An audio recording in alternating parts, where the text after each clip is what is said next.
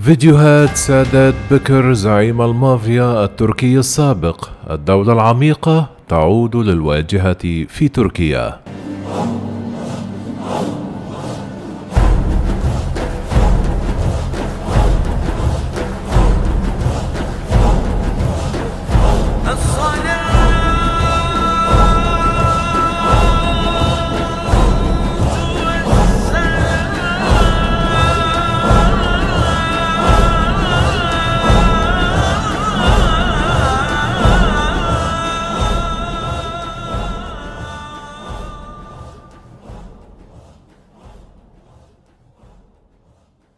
أصبحت مقاطع الفيديو التي ينشرها أحد زعماء المافيا في تركيا ويتحدث فيها عن مزاعم فساد وقتل واغتصاب ومخدرات ضد بعض أقوى الشخصيات الحكومية والمقربة من الرئيس التركي رجب طيب أردوغان.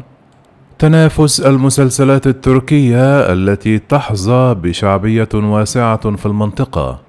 وتقول أصلي أيدنتا شباش العضو في مجلس العلاقات الخارجية الأوروبية. في مقال لها بصحيفة الواشنطن بوست أن فيديوهات سادات بكر تذكر بالدولة العميقة سيئة السمعة ومنذ أن بدأ نشر فيديوهاته في قناته الخاصة على يوتيوب في الثاني من مايو اجتذبت مقاطع بكر أكثر من 100 مليون مشاهدة على وسائل التواصل الاجتماعي. ووفقا لأصلي فإن سادات بكر ليس رجل عصابة عادي.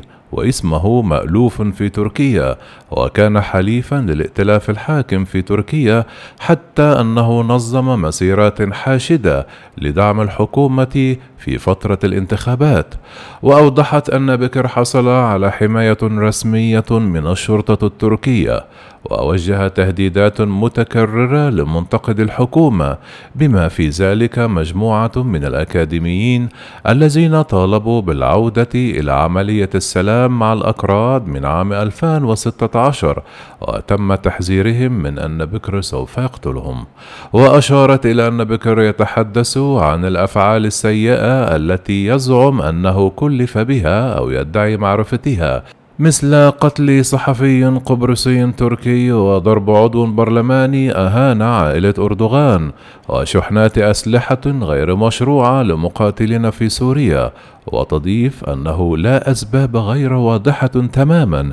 يبدو الآن أنه قد انشق عن التحالف الحاكم في تركيا وتابعت أن بكر أصبح العميل المارق للدولة العميقة في تركيا وأشارت إلى أن هذه الدولة خطيرة وتضم شبكة مظلمة وسرية من مسؤولي الأمن والبيروقراطيين وعصابات الجريمة المنظمة التي تعمل خارج القنوات الرسمية وتشارك في أنشطة غير مشروعة بزعم حماية مصالح النظام. وفي الواقع فإن هذه الدولة العميقة كانت وسيلة للحفاظ على سياسات أمنية متشددة وغالبا ما تكون مناهضة للديمقراطية وذلك وفقا لأيدنتا شباش.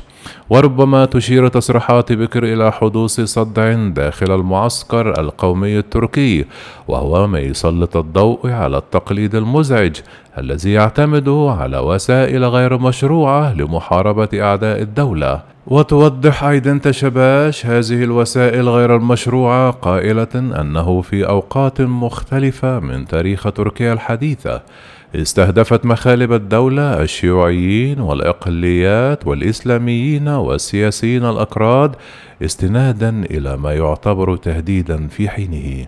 وتابعت الرئيسان السابقان سليمان ديميريل وكنعان إيفرين اعترف علانية بوجود الدولة العميقة وقال ديميريل مقولته الشهيرة عند الضرورة تخرج الدولة عن الروتين وفي التسعينات كان ذلك يعني عمليات قتل خارج نطاق القضاء لسياسيين أكراد واغتيالات رفيعة المستوى للصحفيين وتدخل المافيا في مناقصات الدولة وغالبا تحت عنوان القومية وقد أدى ذلك إلى جانب نفوذ الجيش لجعل الحكومات المنتخبة عاجزة. أما الآن فتقول أيضا تشباش أن المفارقة تتمثل في وصول حزب العدالة والتنمية الذي يتزعمه الرئيس التركي رجب طيب أردوغان إلى السلطة منذ ما يقرب منذ عقدين من الزمن وأنه كان على النقيض من ذلك. فكان يقول أنه يهدف لتنظيف العصابات داخل الدولة. على حد تعبير أردوغان نفسه.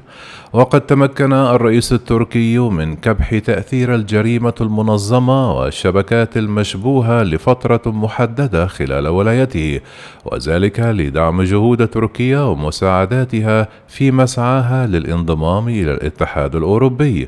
وأوضحت أنه بعد محاولة الانقلاب الفاشلة عام 2016 تغيرت سياسة أردوغان وتوجهاته وأصبح الرئيس التركي القوي يعتمد بشكل متزايد على العناصر السابقة للدولة العميقة وأقام تحالفات مع القوميين المتطرفين وشرعن شخصيات مثل بكر كما أنه دعا مسؤولي الأمن السابقين للانضمام إلى إدارته.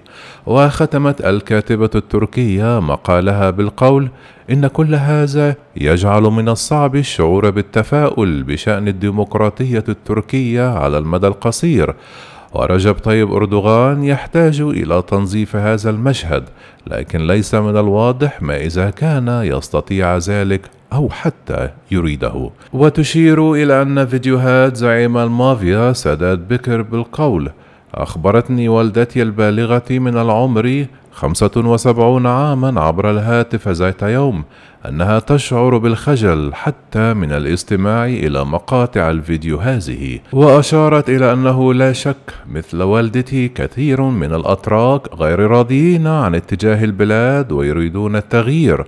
ومع تراجع دعم أردوغان تظهر استطلاعات الرأي أن الأغلبية مستعدة لدعم مرشح معارض ولكن يبدو أن مخالب الدولة العميقة في تركيا قد أخذت السياسة كرهينة.